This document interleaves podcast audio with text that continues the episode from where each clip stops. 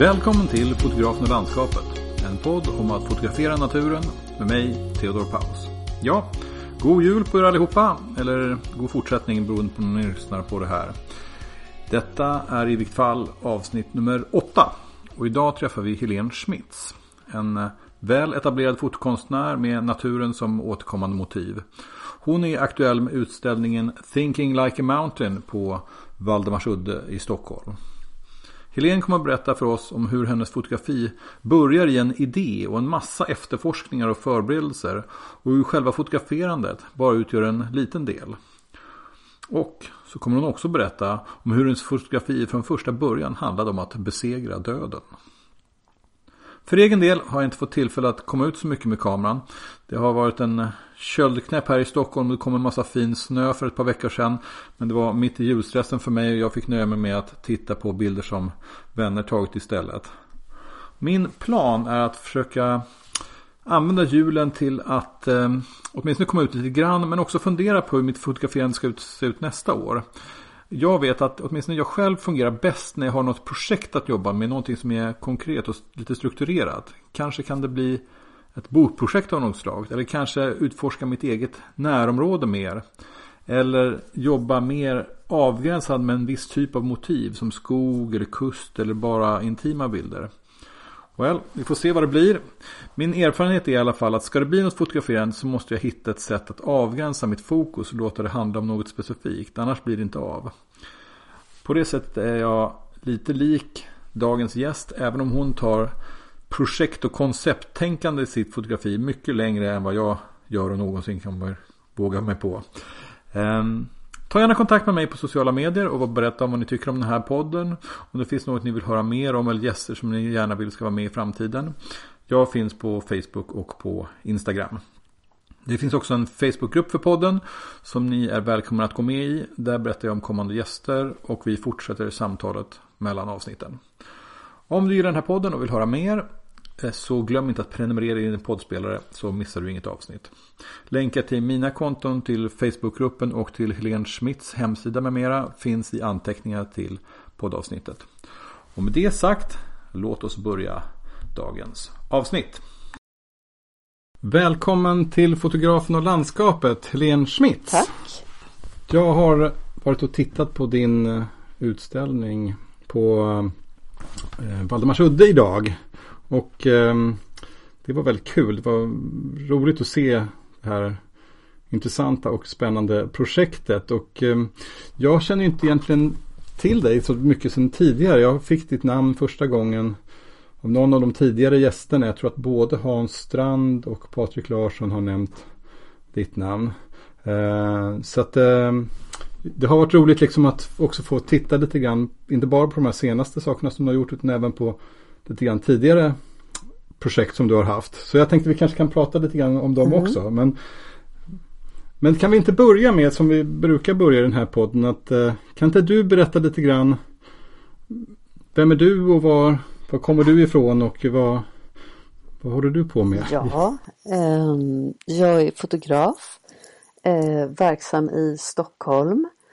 Ehm, jag har eh, varit, i fotogra varit fotograf ungefär sedan jag var tonåring. Jag har alltid hållit på med fotografi i olika former kan man säga. Jag har mest jobbat med eh, analog fotografi och så gör jag även idag. Så den utställningen på Valdemarsudde är ju fotograferad med storformat. Jag har arbetat mycket med eh, människan i relation till naturkrafter.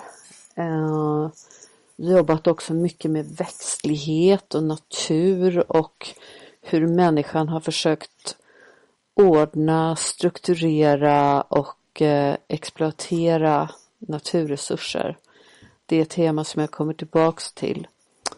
Eh, ja, det var väl en kort mm. introduktion. Absolut. Ja, och det är också det som uh, utställningen på Valdemarsudde handlar om i, i, i mycket. Um, men du, är, um, du jobbar på, som fotograf på, på heltid, det är ditt uh, ja, jobb? det gör jag. Ja. Hur länge har du varit så? Eh, ja, sen jag var 23 år. Eh, jag, har en, jag har en akademisk utbildning så att jag har läst film och konstvetenskap. Men eh, jag skaffade min, min första, eller jag delade en studio på Borgagatan eh, som jag tog ett banklån och skaffade när jag var 23 år. Så det är ungefär sedan dess som jag har varit fotograf. Alltid? Ja, på något sätt. Eller vuxen bemärkelse? Ja, jag fotograferade med en liten Instamatic-kamera när jag var tonåring. Och sen när jag var 20 så skaffade jag, eh, eller jag tror jag fick den i födelsedagspresent, en eh, Nikon-kamera. Och då, det var ju då jag började, började fotografera på allvar. Eller jag kanske var 18-19 år ungefär. Så att jag har ju fortfarande fotografier som jag gjorde när jag var 20 år. Men då jobbade jag ju med helt andra teman än vad jag arbetar med idag. Så jag har ju också stått mycket i mörkrummet. Eh, eh, alltså jag har ju varit fotograf så pass länge att eh, jag var med när man blandade sin kemi själv och framkallade filmerna själv och så vidare. Just det. Mm. Men kan du inte berätta lite grann precis hur du började? Liksom, vad var det som fick dig att liksom, inte bara ta, hålla den där kameran första gången utan även fortsätta? Alltså, jag tror att det var så att när jag var i övre tonåren eller ända sedan när jag var barn egentligen så, så var jag väldigt så här besatt av förgänglighet. Och eh, att eh, och också eh, faktiskt döden kan man säga. Och jag tror att det var därför jag valde att bli fotograf. Jag hade någon jag fick någon slags illusion av att jag skulle lura eh, döden genom att fotografera. att jag trodde att jag genom att, eh, hålla fast ett ögonblick då skulle kunna, skulle kunna på något vis få tiden att stå stilla. Det var därför jag började fotografera. Och det då tillsammans med att jag hade som väldigt starka upplevelser av eh, skönhet skulle man faktiskt kunna säga när jag var var i tonåren. Och då var fotografiet var för mig det um, ultimata sättet att uttrycka ja, känslor på. Men, men jag skrev också väldigt mycket. Så att jag har ju precis nu gått igenom väldigt mycket hur jag eh, skrev och antecknade och dagböckerna, så alltså nästan maniskt från, från den tiden eller från det att jag kanske var tonåring upp tills jag var 25 eller något sånt där. Sen fick jag barn och då hade jag inte lika mycket tid längre. Men ja. Men du måste berätta vad det var för skönhetsupplevelser som Nej men det var, det var väldigt mycket, det var väldigt mycket naturupplevelser och en slags eh, panteistisk känsla som jag kunde uppleva. Jag var mycket jag är en sån här någon slags form av urstockholmare men jag var väldigt mycket på landet och eh, väldigt mycket på eh, ute i Stockholms skärgård. Eh, och det var ju en annan tid också när man som barn var gick hemifrån tidigt på morgonen så kom man hem på kvällen och sen var man bara ute i skogen och lekte. Eller jag red också mycket när jag var liten. Så det var i, i skärgården? Eh, ja, alltså det är inte ute på en ö utan men det är norr om Stockholm, nära Norrtälje. Mm. Okej. Okay. Så naturen var liksom med i ett väldigt tidigt skede? Ja, det var den. Ja.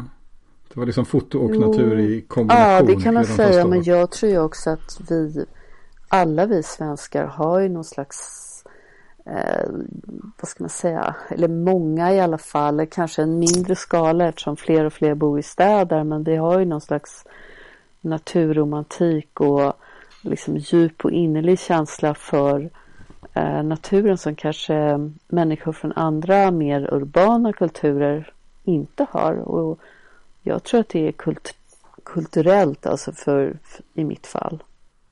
Mm. Det vad blev det för foton då? Nej men de är jättetråkiga. Det är inte så.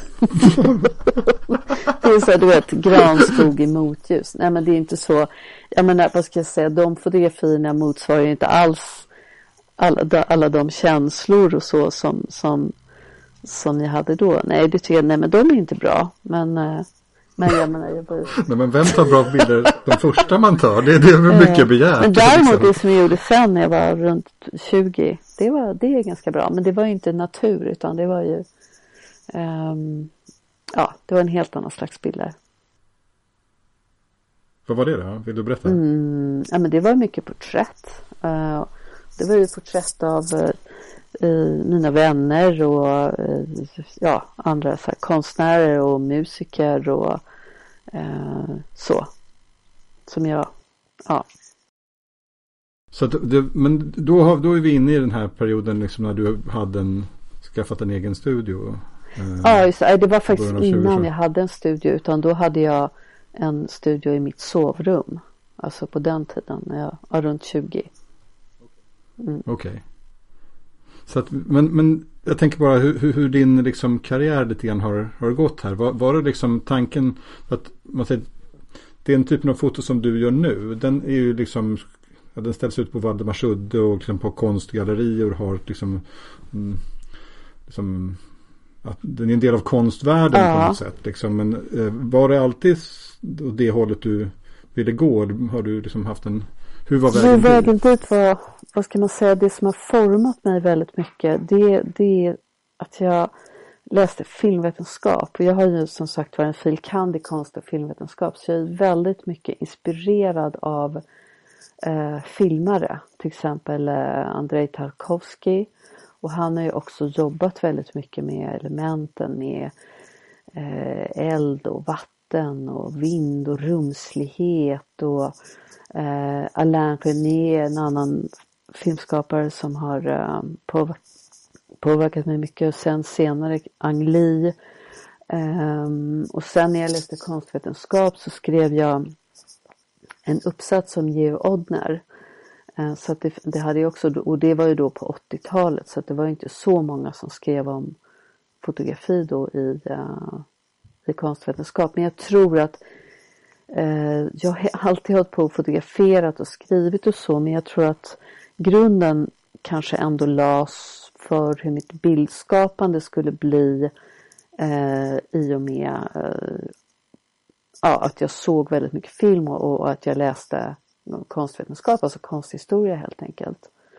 Så det kan man väl säga. Men sen har jag alltid varit inspirerad av eh, filosofi, litteratur, andra konstnärer och, och så. Så att, eh, men jag tror att grunden, grunden är, är där någonstans. Och sen jobbade jag under många år eh, eh, redaktionellt också för att försörja mig vid sidan av att jag hela tiden gjorde utställningar och eh, men sen gjorde jag ju inte min första bok förrän jag gjorde kataloger och så till utställningar men det gjorde jag ju eh, ja den kom ut 2003. Så, det- ja, så det tog ju ändå ganska lång tid och det tog också lång tid innan jag hade det självförtroendet och den ekonomin att jag kunde ägna så pass lång tid som det krävs för att eh, eh, göra en bok och satsa på en utställning och eh, göra projekt som, som är så pass tidskrävande som de som jag har gjort efter det är. Din typ av foto verkar ju vara väldigt konceptuell också. Liksom. Det, det, det, det är liksom du har, I alla fall det jag har sett. Verkar ju vara som att du utforskar ett tema. Ja, liksom, nej men så är det. Det stämmer. Det stämmer. Eh, det är inte så att jag tar min 8-10 tums kamera och, och sätter mig och åker iväg utan det är ju otroligt mycket efterforskning som är innan. Alltså det stora arbetet är ju innan jag sätter igång att, att fotografera. Det tar ju väldigt mycket tid. Eh, till exempel om, om man tar som exempel Kudzu Project när jag var i, i sydöstra USA när jag fotograferade den här invaderande växten så, så var det ju väldigt mycket förberedelser och efterforskningar och ta reda på vart jag skulle åka men också då själva, själva historien bakom den här, eh, den här växten som jag tyckte var väldigt spännande. Så att jag är väldigt, jag är intresserad av eh, hur, hur, vi, hur vi människor förhåller oss till naturen, alltså idéer och föreställningar om naturen. Mer än, vad ska man säga, bara själva naturen. Så um, ja, så det stämmer. Det, är väldigt, det, det, tar mycket, det tar mycket av min tid. Tyvärr lite för mycket tycker... tid. Okej. Okay. Ja, just, det, just det projektet tycker jag är otroligt spännande. Mm. Eh, som du nämner här. Och för, för de som inte har läst på lite ja. grann det som jag har gjort. kan inte du berätta lite jo, grann om det? det kan jag göra. Eh, eh, det var så här att jag, jag hade ju gjort, först hade jag gjort eh, en bok som heter Blow Up. Sen hade jag gjort en bok om Carl von Linné som heter Linné och drömmen om naturens ordning som handlade om då hur Linné eh, hade en vision av att han skulle kunna ordna all världens växter. Och sen efter det så fortsatte det. Sen gjorde jag eh, arbeten åt eh, National Geographic, två stycken, en om köttätande växter. Och när jag hade gjort den serien så blev jag väldigt intresserad av invaderande arter. För jag tyckte att det var eh, spännande och roligt att man använder då en eh, vad ska man säga, ett begrepp som är en slags hämtat från krigsterminologi när man beskriver då en, en, en planta eller en blomma helt enkelt. Eh, och då, då såg jag bilder på, det, ah, förlåt. Förlåt, en invaderande växt är alltså en växt som inte hör hemma i det habitatet som den har tagits dit liksom och sen så växt. Ja det kan man säga och, och, och sen då att den eh, ohämmat då på något vis sprider sig och kanske hotar då det som man kallar eh, för inhemska arter, även om inte det egentligen finns. Och människan har ju alltid flyttat om arter. De har ju hela tiden flyttat sig runt jorden, även om det finns vissa då arter som är endemiska. Men den här arten är i alla fall kadso som är som en slingerväxt. Den kommer ursprungligen från Japan. Men vid eh, Förenta Staternas 100-årsjubileum så så samtidigt då som amerikanerna fick Frihetsgudinnan i present av fransmännen så fick de den här växten av, av japanerna. Och de började plantera ut den på så här balkonger och verandor under 30-talet för den planterade man längs med järnvägarna i då till exempel Georgia, Alabama, alltså eh, South och North Carolina för att förhindra erosion. Men den här växten har då en rotklump som kan bli 8 till 10 meter. Den växer 30 centimeter på 24 timmar. Och den växer ut som en stjärna. Och den kommer från rot varje år. Så under då de här heta sommarmånaderna så, så klär den in enorma arealer då i, i sydöstra USA. Och man kom på att den, att den förökar sig fullständigt besinningslöst på 50-talet och den förbjöds att eh, man fick inte plantera den längre helt enkelt. Men här kostar enorma pengar då för att försöka bli av med den här växten. Man, man förbjöd den helt enkelt men man har fortfarande inte lyckats bli av med den och då den här, den här föreställningen om, vax, om växter och, och, och, blommor som så fredliga och passiva. Jag tyckte att det var roligt därför den här totalt motsäger det. För den är fruktansvärt våldsam och aggressiv i sin framfart. Eh, sen är det också så att den, den förvandlar landskapet så att det blir något annat. Därför den växer över då fält, den klär in hela träd, telefonstolpar, växer över vägar och hus. Och den här förvandlingen av landskapet till något annat. Det var också det som intresserade mig. Så det var det jag ville, ville gestalta. Så jag åkte dit med eh, den här kameran, min 810-tums kamera och, och, reste genom eh, Georgia, Alabama och uh, South and North Carolina för att um, vadå, gestalta det här fenomenet. Så uh, ja, det är den serien.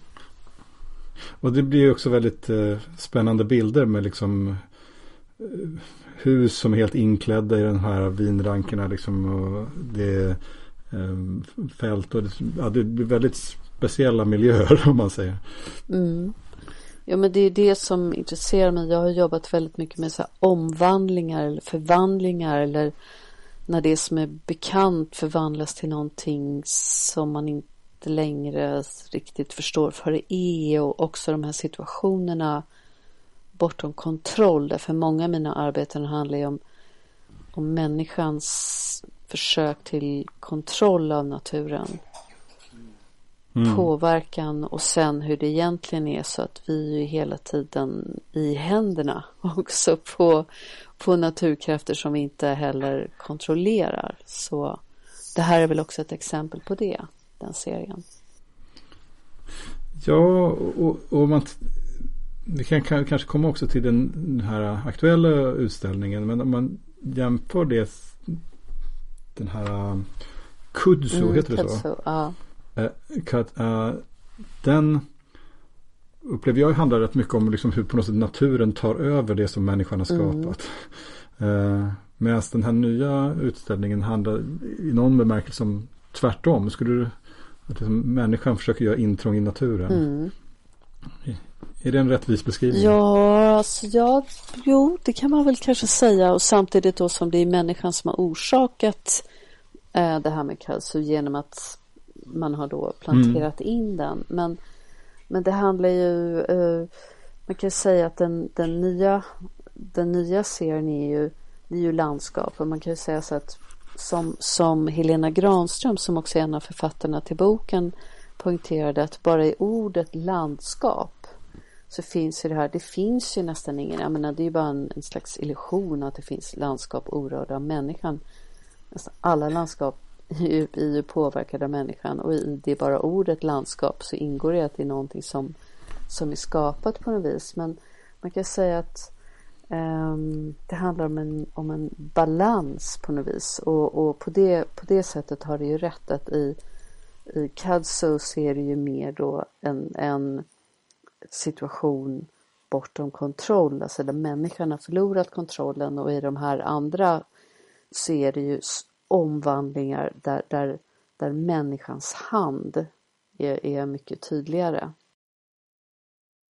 Och vi måste berätta lite grann om vad det faktiskt är också. Alltså utställningen heter ju Thinking Like a Mountain och visar, ja vad visar den?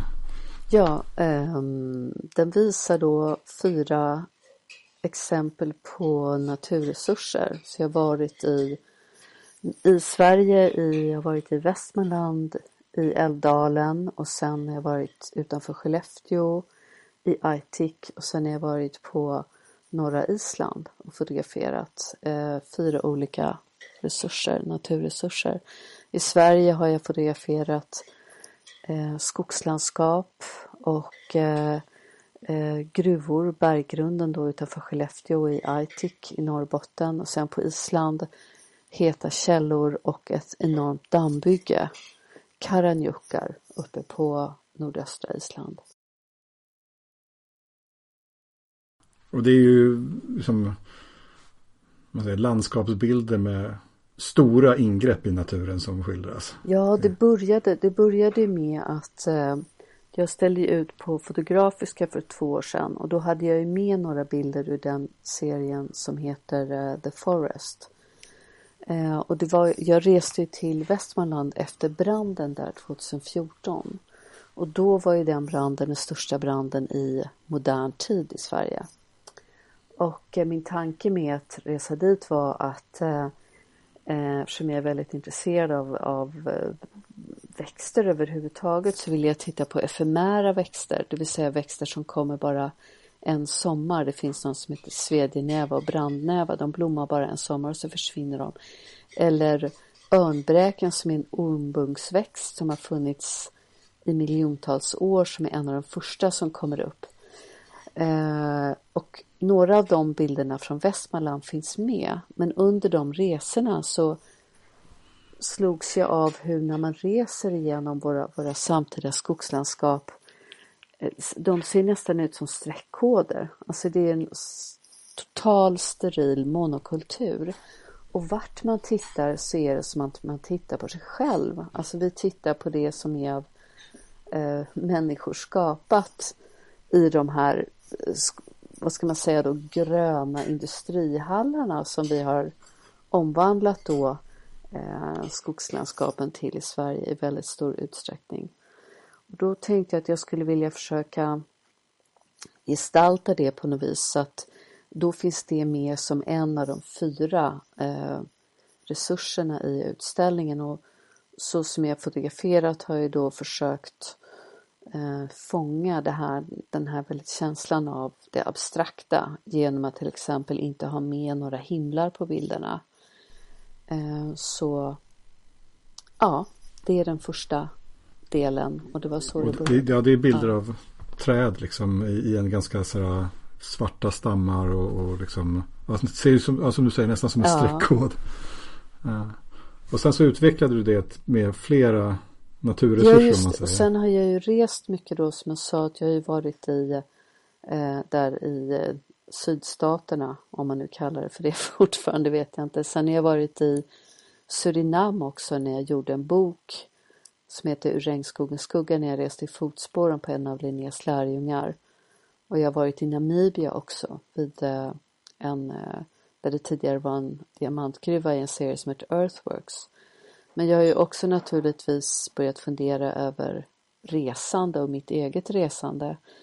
Eh, och samtidigt tyckte jag att det var väldigt spännande att utforska Sverige, alltså mitt eget land. Det är mycket svårare att titta på sig själv på något vis eller titta på eh, det som man har mer nära. Så jag tänkte att jag skulle försöka anta den utmaningen. Och sen att vi, vi har ju också då en eh, intressant historia av eh, kolonialism inom våra, vårt eget lands gränser.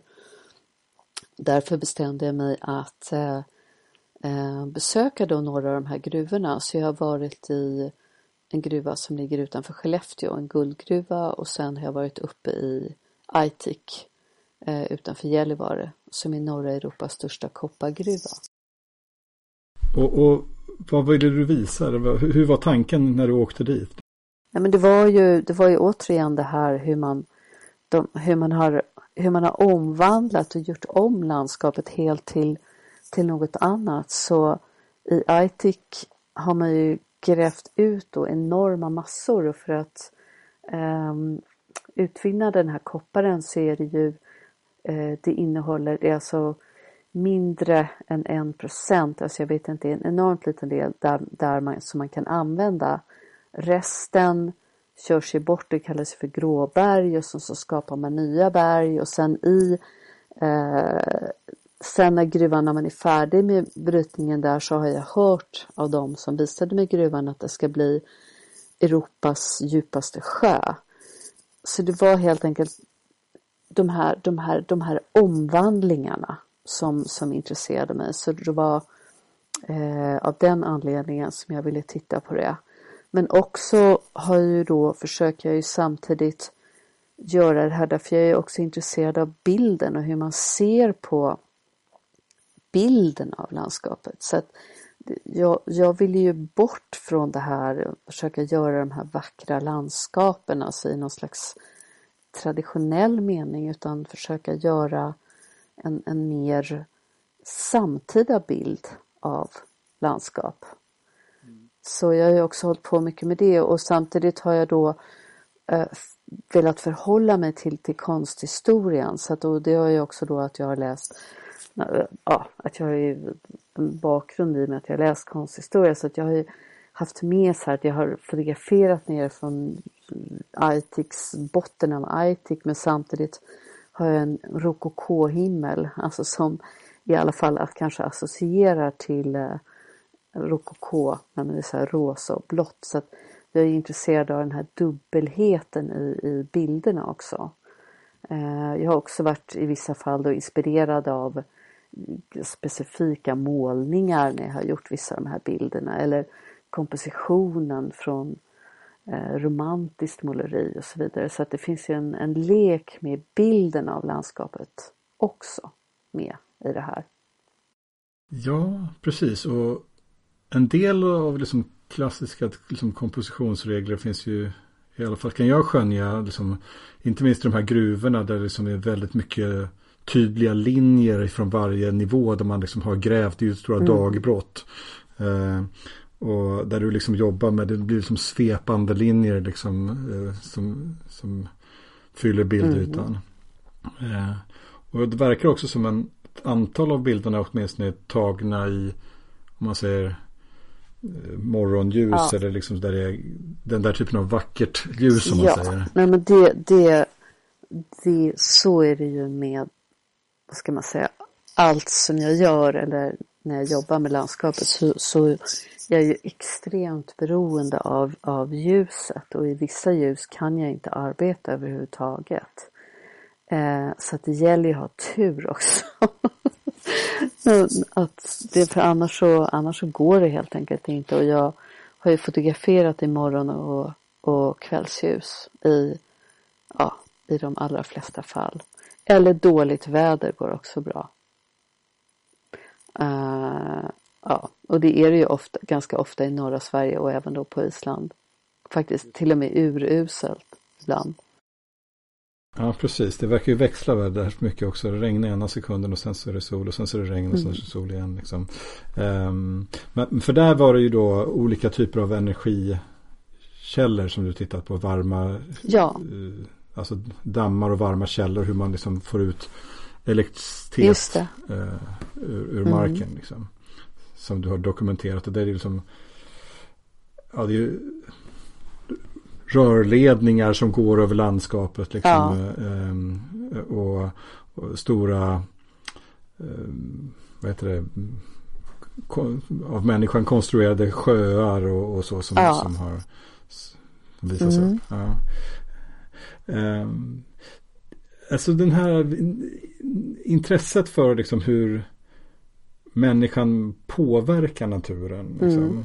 Eh, det, det, verkar ju vara genomgående i, i många av de här um, projekten som du har gjort. Um, vad, vad tror du det har kommit ifrån? Liksom? Eller vad, vad består Men, det av? Jag ska säga att, att jag gjorde det här arbetet, det är ju på något vis att, att samtiden sipprar in i det som jag håller, det som jag håller på med. Det, vad ska man säga, det kanske är lite tydligare i det här arbetet. Men det som också är viktigt är ju med, med, om man tar eh, de här eh, rörledningarna till exempel som du pratade om då som är ju pipelines som går från de här heta källorna. Så, så, så är jag också intresserad av bilden av landskapet så att jag har ju lyft fram det som, som förstör bilden också. Alltså till exempel de här rörledningarna som förstör landskapet. För bakom dem så ligger det här lavafältet. Men då har jag velat lyfta det som är då bara funktion. Och, och ge det en slags um, kvalitet istället. Och, och jag var ju också fascinerad av hur de här rörledningarna ser ut som skulpturer. Alltså det ser ut som någon, någon amerikan från tidigt 70-tal har varit framme och eh, det ser ut som land art helt enkelt på något vis. Så ja, det, det har varit också väldigt intressant för mig i det här arbetet.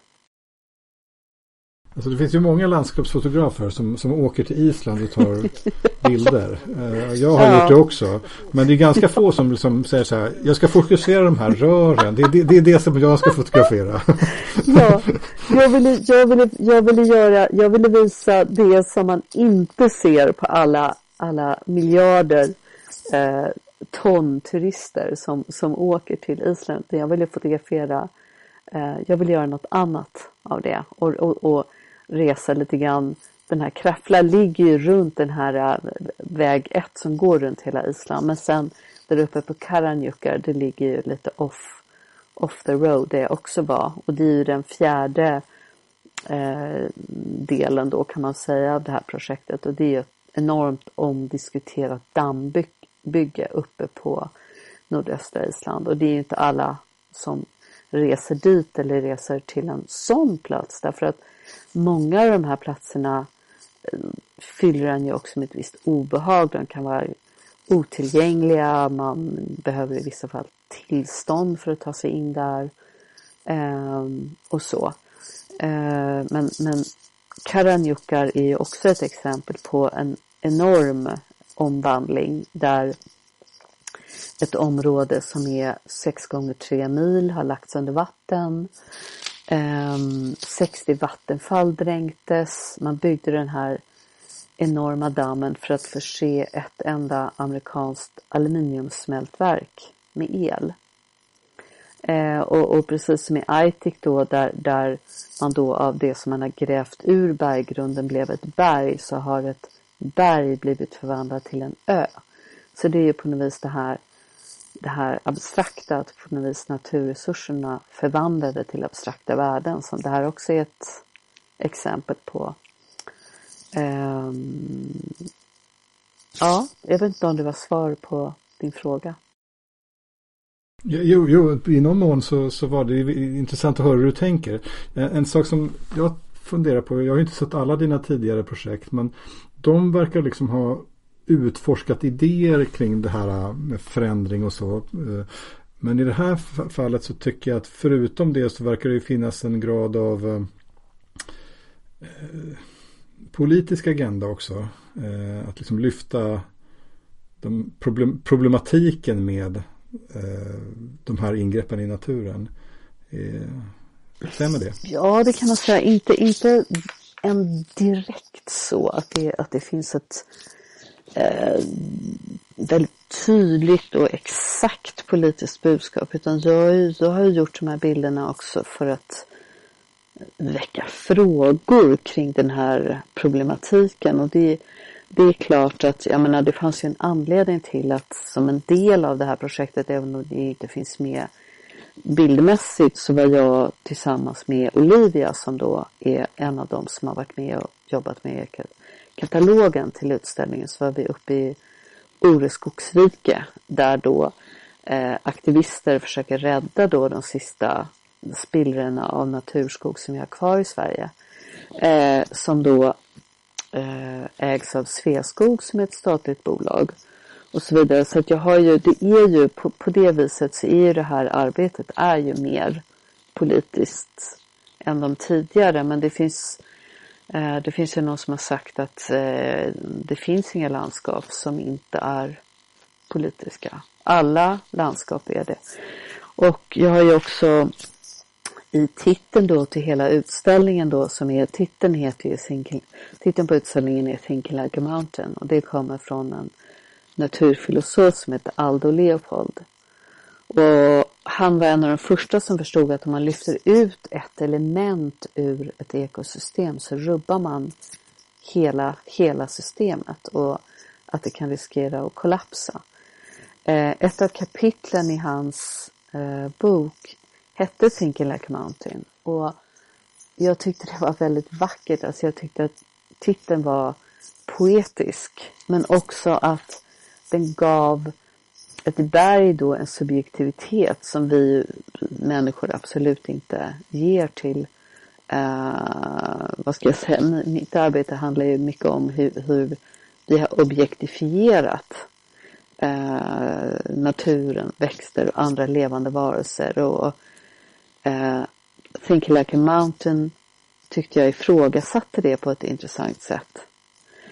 Och samtidigt som vi människor håller på med de här, de här gigantiska omvandlingarna så ser man ju också i mina bilder, eller det finns ju också någonting att vi har ändå ingen kontroll. Och vi kan inte kontrollera i somras när det var torka. Vi kan inte påverka att det inte regnar på tre månader. Eller om det kommer en stor orkan över Stilla havet. Alltså, vi människor är ändå väldigt utlämnade åt de här enorma krafterna som vi nu har satt i rörelse. Och på något vis så kanske det här projektet tydligare än tidigare pratar om de sakerna. Det handlar lite, lite grann om dragkamp mellan liksom eh, olika krafter mm. som påverkar och liksom samspelet mellan människan och naturen och i, i, i liksom växelverkan mm. där. Um, um, du beskrev tidigare, eller du lyfte fram att liksom ett projekt som du jobbar med är liksom en väldig massa förberedelser och sen så åker du ut och tar bilder. Mm. Kan, kan, du beskriva lite grann hur, hur ett typiskt projekt går till för dig? Eh, jo, det går till så här att jag sover väldigt dåligt på nätterna och då, då Ligga framför datorn och så och jag, jag, kanske har idéer om vad jag vill göra eller vilket spår eller eh, ja. Och sen letar jag fram det och sen läser jag om det och eh, ser på möjligheterna, försöker då ha en föreställning om innan jag åker hur jag ska kunna gestalta det. Och sen tar jag reda på om det finns annan dokumentation i det ämnet, om någon har skrivit någonting. Som till exempel på Island så är det ju en Andris Nair Magnusson som har gjort en film som heter Dreamland som inspirerade mig jättemycket till att göra den serien bilder och det är därför också som en av eh, mina fotografier heter Dreamland. Det är en slags eh, hyllning till honom. Och sen när, när jag har det då på plats då kontaktar jag personer på plats. Jag kanske eh, på Island kontaktade några organisationer, några akademiker där för att få ännu mer information från annat håll. Och sen ska man planera en resa och sen ska jag då i och med att det är ganska omfattande utrustning packa ihop, få, få ihop allt det. Eh, och sen ska man då, som är jättesvårt, beräkna då innan på Island till exempel. Alltså det är så otroligt mycket praktiska problem. Till exempel hur länge ska man vara på varje plats? Och det är väldigt kostsamt med hotell och så vidare. Och hur ska jag veta hur lång tid det ska ta att vara där och hur mycket, alltså det är jättemycket planering och jättesvårt och sen så blir det ofta ändå på något lite annat sätt än, än vad man har tänkt sig. Uh, ja, ungefär så skulle jag kunna beskriva att det går till när, när, jag, när jag förbereder mig. Det är ganska dramatiskt annorlunda än många av de som varit på den här podden tidigare uh, arbetar. Där man liksom um, I ditt fall så är det ju väldigt mycket om jag tolkar det rätt. Att det börjar med en, en idé eller ett koncept, liksom en tanke. Ja. Liksom. Och sen så, sen, sen så utvecklas hur, hur, man ska, hur du ska kunna göra ut den. Liksom, hur den ska kopplas till andra idéer och andra eh, liksom, um, um, i någon mån teoretiska koncept ja, kanske. Ja, liksom. absolut. Och tidigare arbeten och hur, ja, nej, så, så är det.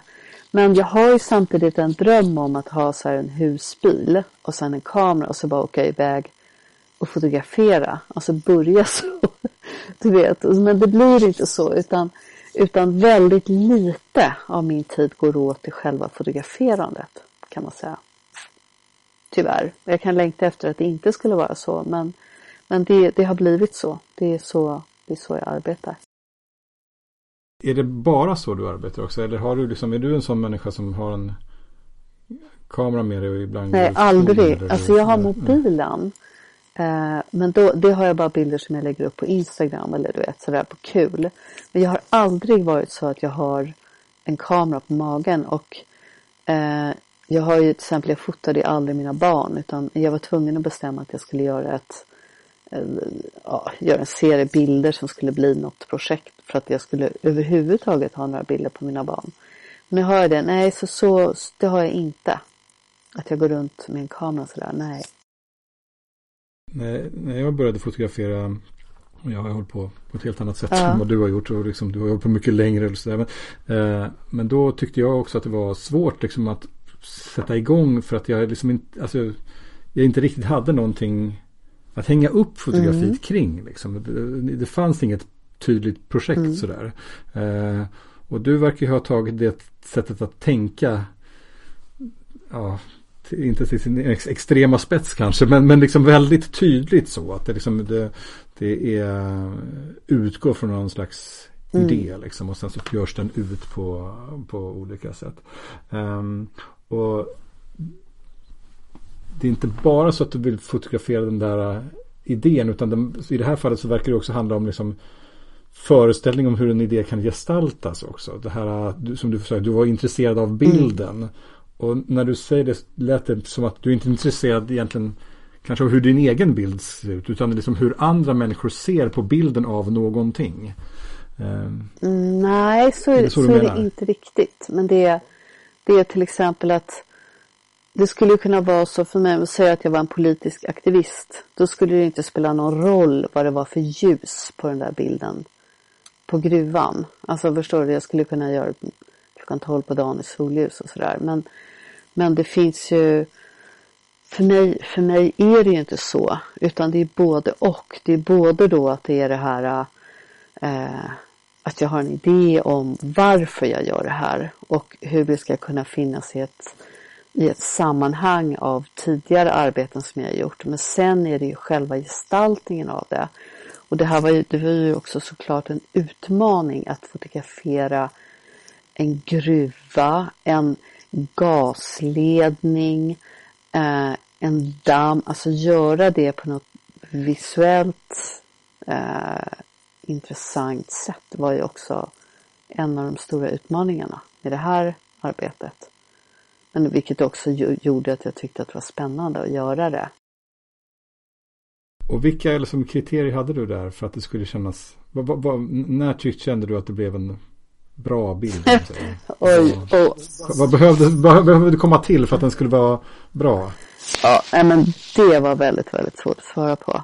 Det kan, det kan, det, det, det kan jag faktiskt inte riktigt svara på. Men den, den måste vara, bilden måste vara mm, anslående och du måste, den, måste, den måste inbjuda, den får inte bara direkt så att man slås bort utan i någon mån så ska de här bilderna vara mm, förföriska kan man säga.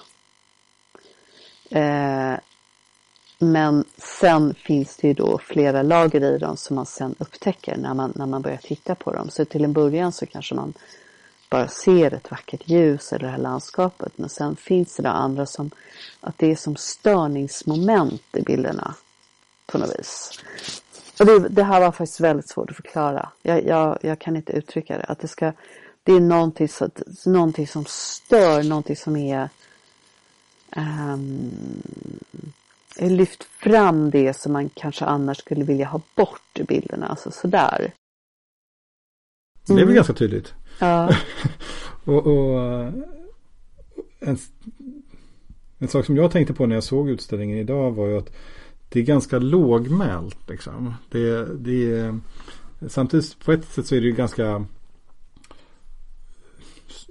aggressiva saker som Aha. beskrivs på bilderna. Det är liksom stora hål och liksom eh, Men det är också liksom det finns ju en ganska dämpad färgskala. Mm. Det är liksom, eh, allting är ganska harmoniskt komponerat. Och, och så. Det, det, var någon bild på, som väl var på någon explosion ja. tror jag. Alltså, uh, det var egentligen den enda bilden där det, där det finns rörelse. Mm. Liksom. Uh, annars är ju liksom allting uh, det finns nästan en lite ödslig känsla över, över bilderna mm. också. Som jag antar att du har haft en tydlig idé. Ja, alltså den tror jag är, den tror jag på något vis nästan sitter i ryggmärgen. Att det är så mina bilder vad ska jag säga, att det är något genomgående. Att man gör ju samma bild i någon mån om och om igen. Och det, det finns ju de som har sagt om mina bilder att, de, att det finns en tystnad i dem. Att det spelar ingen roll om det som um, som man ser är någonting så här våldsamt eller dramatiskt. Men att det finns en tystnad i dem. Och det tror jag är mitt bildspråk helt enkelt. Och sen eh, har ju också eh, vissa personer pratat om det här eh, att de är skulpturala och jag är också väldigt intresserad av det rumsliga på något vis. Eh, så att rumslighet är någonting som finns i, i, tror jag, i allting som jag gör, även om det är landskap eller rum eller vad det nu kan vara, men att även i landskapen så finns den här um, ja, något slags en rumslighet som jag arbetar med. För du tar ju även andra typer av bilder, alltså du har haft projekt som inte bara varit natur. Mm. Eh, som den här, din, det var väl det, det, den lägenhet som du själv hade bott i ja, som barn. Eh, Eh, och du tog bilder efter branden. Mm. Liksom, eh, på också samma i någon bemärkelse tema liksom med förändring och, och liksom eh, ingrepp i en ja. miljö. Liksom, Jo, lite så kan man säga att de, har, att de hänger ihop. Om man Cudso, då var det ju den här, den här växten, den här helt galna, totalt spårade och våldsamma växten. Och i det här fallet då så var det ju branden och det började ju med att jag bara ville titta på de här rummen, hur de såg ut. Men sen blev jag väldigt intresserad just av den här förvandlingen av sotet och vattnet och att det efter bara några veckor eh, började växa mögel på de här möblerna som var kvar. Det snöade in på golven. Alltså det fanns någonting i just det här när det bekanta förvandlas till något obekant. Det fanns någonting, någonting i det som, som intresserade mig. Som jag återigen tror har att göra med ja, mycket av den inspiration som jag fått av, av filmkonst. Men, men ja, inte bara. Men ja. Men det här var, ett, just om vi bara helt kort pratar lite grann om den. För det, det var alltså en lägenhet någonstans i Stockholm som, som du hade bott i när du var ja, barn, eller hur? Och sen, så, som, och sen så, så var det en stor mm. eldsvåda eh, långt mm. senare. Och sen så återvände mm. du till platsen och, och, och tog de ja. bilderna. I det fallet hade jag inte gjort eh, efterforskningar på det sättet som jag har jobbat med eh, under senare år. Utan det var ju någonting som bara hände, den där branden. Så det var ju på ett annat sätt. Det var ju något annat. Ja, precis. Och, och, och, var det inte också lite så i den här, för du gjorde ett, ett projekt tidigare också som handlade om eh, ett, en fjärilsfarm i Ja, just det. Men det var långt senare. Och det, ja, där, där var det faktiskt så, där var jag för att göra en bok om Daniel Rolander, en av Linnés lärjungar. När uh, jag var på den här fjärilsfarmen för att fotografera fjärilar. Och då var det ju faktiskt så att uh, det var egentligen inte meningen att jag skulle göra den serien. Det är den serien som heter Sunken Gardens. Men jag tyckte att den platsen i sig var, var så pass intressant att jag gjorde en, en, en egen serie om den platsen som då blev den här eh, Sunken Gardens-serien helt enkelt. Just det.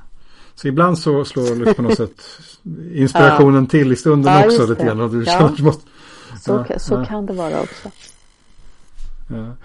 Um, jag fick i den här Facebookgruppen som finns till den här podden så, så frågade jag lyssnarna vilka frågor skulle ni vilja höra. Och en fråga som dök upp var liksom hur du Ja, att jobba liksom med det här professionellt liksom och få ekonomi i det. Och, och så det här är ganska speciella projekt som, som du mm. gör. Hur, hur ser, du är i någon bemärkelse företagare, liksom, hur, hur, um, ja, vad, hur stor del av, av liksom det ekonomiska eller det, liksom företagande är, det, är detta? Liksom, eller hur mycket tänker du i de termerna? Det är så här, för det första kan jag säga att jag extremt ojämna inkomster. Men om man ska säga hur jag började, därför att det kan vara under, med under ett produktionsår har jag bara kostnader. Och sen har jag en utställning och då säljer jag eh, ja, för det mesta då bra. Och då, så att det är väldigt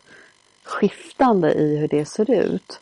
Men som det började när jag gjorde min första bok så eh, Virginia Woolf sa ju att man måste ha ett eget rum. Och jag brukar ofta prata om det att det egna rummet är ju ofta tid. Bara att ha den här tiden och att ha den tiden kostar pengar. Så vad jag gjorde då var ju att jag, då tog jag faktiskt ett lån eh, för att kunna arbeta med den här första boken, Blow Up. Men det går inte att sticka under stol med att det är otroligt svårt när man gör sådana här grejer och få det, få ekonomi i det. Men sen har jag ju fått hjälp som till exempel när jag gjorde resan till Surinam så fick jag ett stort stipendium. Eh, och sen har jag fått författarstipendier. Så att jag har ju fått ur stipendier och fonder och så stöd. Men det räcker ändå inte därför att det är, det är väldigt kostsamt. Och jag jobbade ju i många år, alltså fram till att jag gjorde min första bok så jobbade jag ju redaktionellt för att försörja mig. Så det var ju först då som jag vågade ta den chansen och göra sådana här om, mycket mer omfattande projekt. Men sen på grund av att jag gjorde det så fick jag ju till exempel National Geographic som ju naturligtvis var ett väldigt välbetalt uppdrag. Sen har jag gjort frimärken för posten. Jag har gjort offentliga uppdrag. Jag gjorde en tunnelbanestation med fotografier. Uh, ja, så det, vilken då? Mariatorget. Det, den, det var under tre år. Då, då fick jag det. Jaha, den, de är inte Nej. kvar där längre. Ja. Jag åker Ja, ju förbi visst det. där. Jämt och ständigt Ja, det, var, det var några år sedan som jag gjorde det. Så, eh, men trots det då så är det ju otroligt riskabelt att göra sådana här saker. Därför det vet man ju inte innan om det ska gå eller hur, eh, hur, hur försäljningen ska gå så att säga. Så jag vet inte om det var svar på frågan. Nej men alltså jag tycker det, det, det är fascinerande liksom att, och det är ju härligt att du har ändå kommit till ett sånt läge där det här kan liksom bli eh, eh, där du kan fokusera helt på den här typen av, av, din konst Mm. liksom. Eh, och, och i, eh, i den här landskapsfotovärlden om man, om man liksom, eh, liksom gör dig till en del av den liksom, så är det ju ganska få som håller på som kan det liksom. Och de, eh, där finns det ju många som, som får intäkter från andra typer av liksom, ja, workshops och, och, och liksom ute i naturen och så. Du har ju liksom kunnat fokusera på det här väldigt konceptuella och liksom projektorienterade. Och det, det är ju fantastiskt bra att du har kunnat få en ja, kunnat arbeta Mm. helt så liksom. Så att, eh, eh, Eh, men eh, vad, vad händer nu då? När, har, du- har du någonting nytt på gång? Ett nytt stort projekt? Mm, ja, det har jag. Alltså, den, här, den här utställningen ska gå vidare till eh, Köpenhamn, till Fotografiskt center. Och sen ska jag ställa ut några av bilderna eh, The Forest eh, som är en del av Sinkinlaka Mountain på Valdemarsudde. Eh, Valdemarsudde-utställningen pågår ju till 17 februari och sen öppnar den här utställningen i Köpenhamn i augusti 2019. Eh, men några av de bilderna ska också visas i en kyrka i Västfärnebo i Västmanland. Eh, och just på den platsen faktiskt där det brann. Eh, så det är ett projekt där då sju konstnärer har fått varsin kyrka att göra eh, ja, någonting i. Så jag har fått min kyrka. så det ska bli, det ska bli jätteintressant att göra det. Och sen eh, håller jag ju då på och funderar på vad jag ska göra härnäst och jag har flera idéer och eh, det jag tror är att jag kommer vilja fortsätta arbeta i Sverige, kanske i Norge också. Spännande. Ja, cliffhanger där. Ehm, Men ehm, precis, då, då, för då tänker jag att ehm, det vore också kul att eh, avrunda det här lite grann med jag brukar alltid ställa två frågor i slutet, samma. Eh, och den, den första frågan är ehm, vilka tips du har till andra fotografer som ägnar sig åt landskapsfoto i någon mån. Mm. Ja, du menar alltså tips för att du ska eh, intervjua flera? Nej, nej det, det har jag också en fråga om. Okej. Men jag tänker mera till tips till lyssnarna om liksom så här när man Då arbetar. tycker jag Gary som... Johansson Yes. och eh, Henrik Seitler. Det är för mig okända Vad namn. Du kul att det är det, för då, Ja. då måste du då, då, måste, då måste du titta på. Okej. Eh, bra, har du några tips till, eh, till lyssnarna om hur de kan liksom utveckla sig sitt eget fotografi också? Det är många, många fotografer som lyssnar på den här podden skulle jag. Ja, men det kan jag inte säga på en minut och det, det är väldigt svårt att säga något, något generellt om det. det. Det tycker jag faktiskt var en jättesvår fråga. Hur man generellt ska förbättra sig? Ja, men då tycker jag att ehm, man ska titta mycket på fotografi, på vad andra har gjort och så försöka hitta eh, något eget och sen gräv där du står. Det får bli mina tips. Och då får jag tacka dig för att du var med här. Och tacka dig för dina tips. Ehm, bra. Tack för idag. Och det var jättekul att se din utställning också idag tidigare Ja. på dagen. Tack. Tack själv.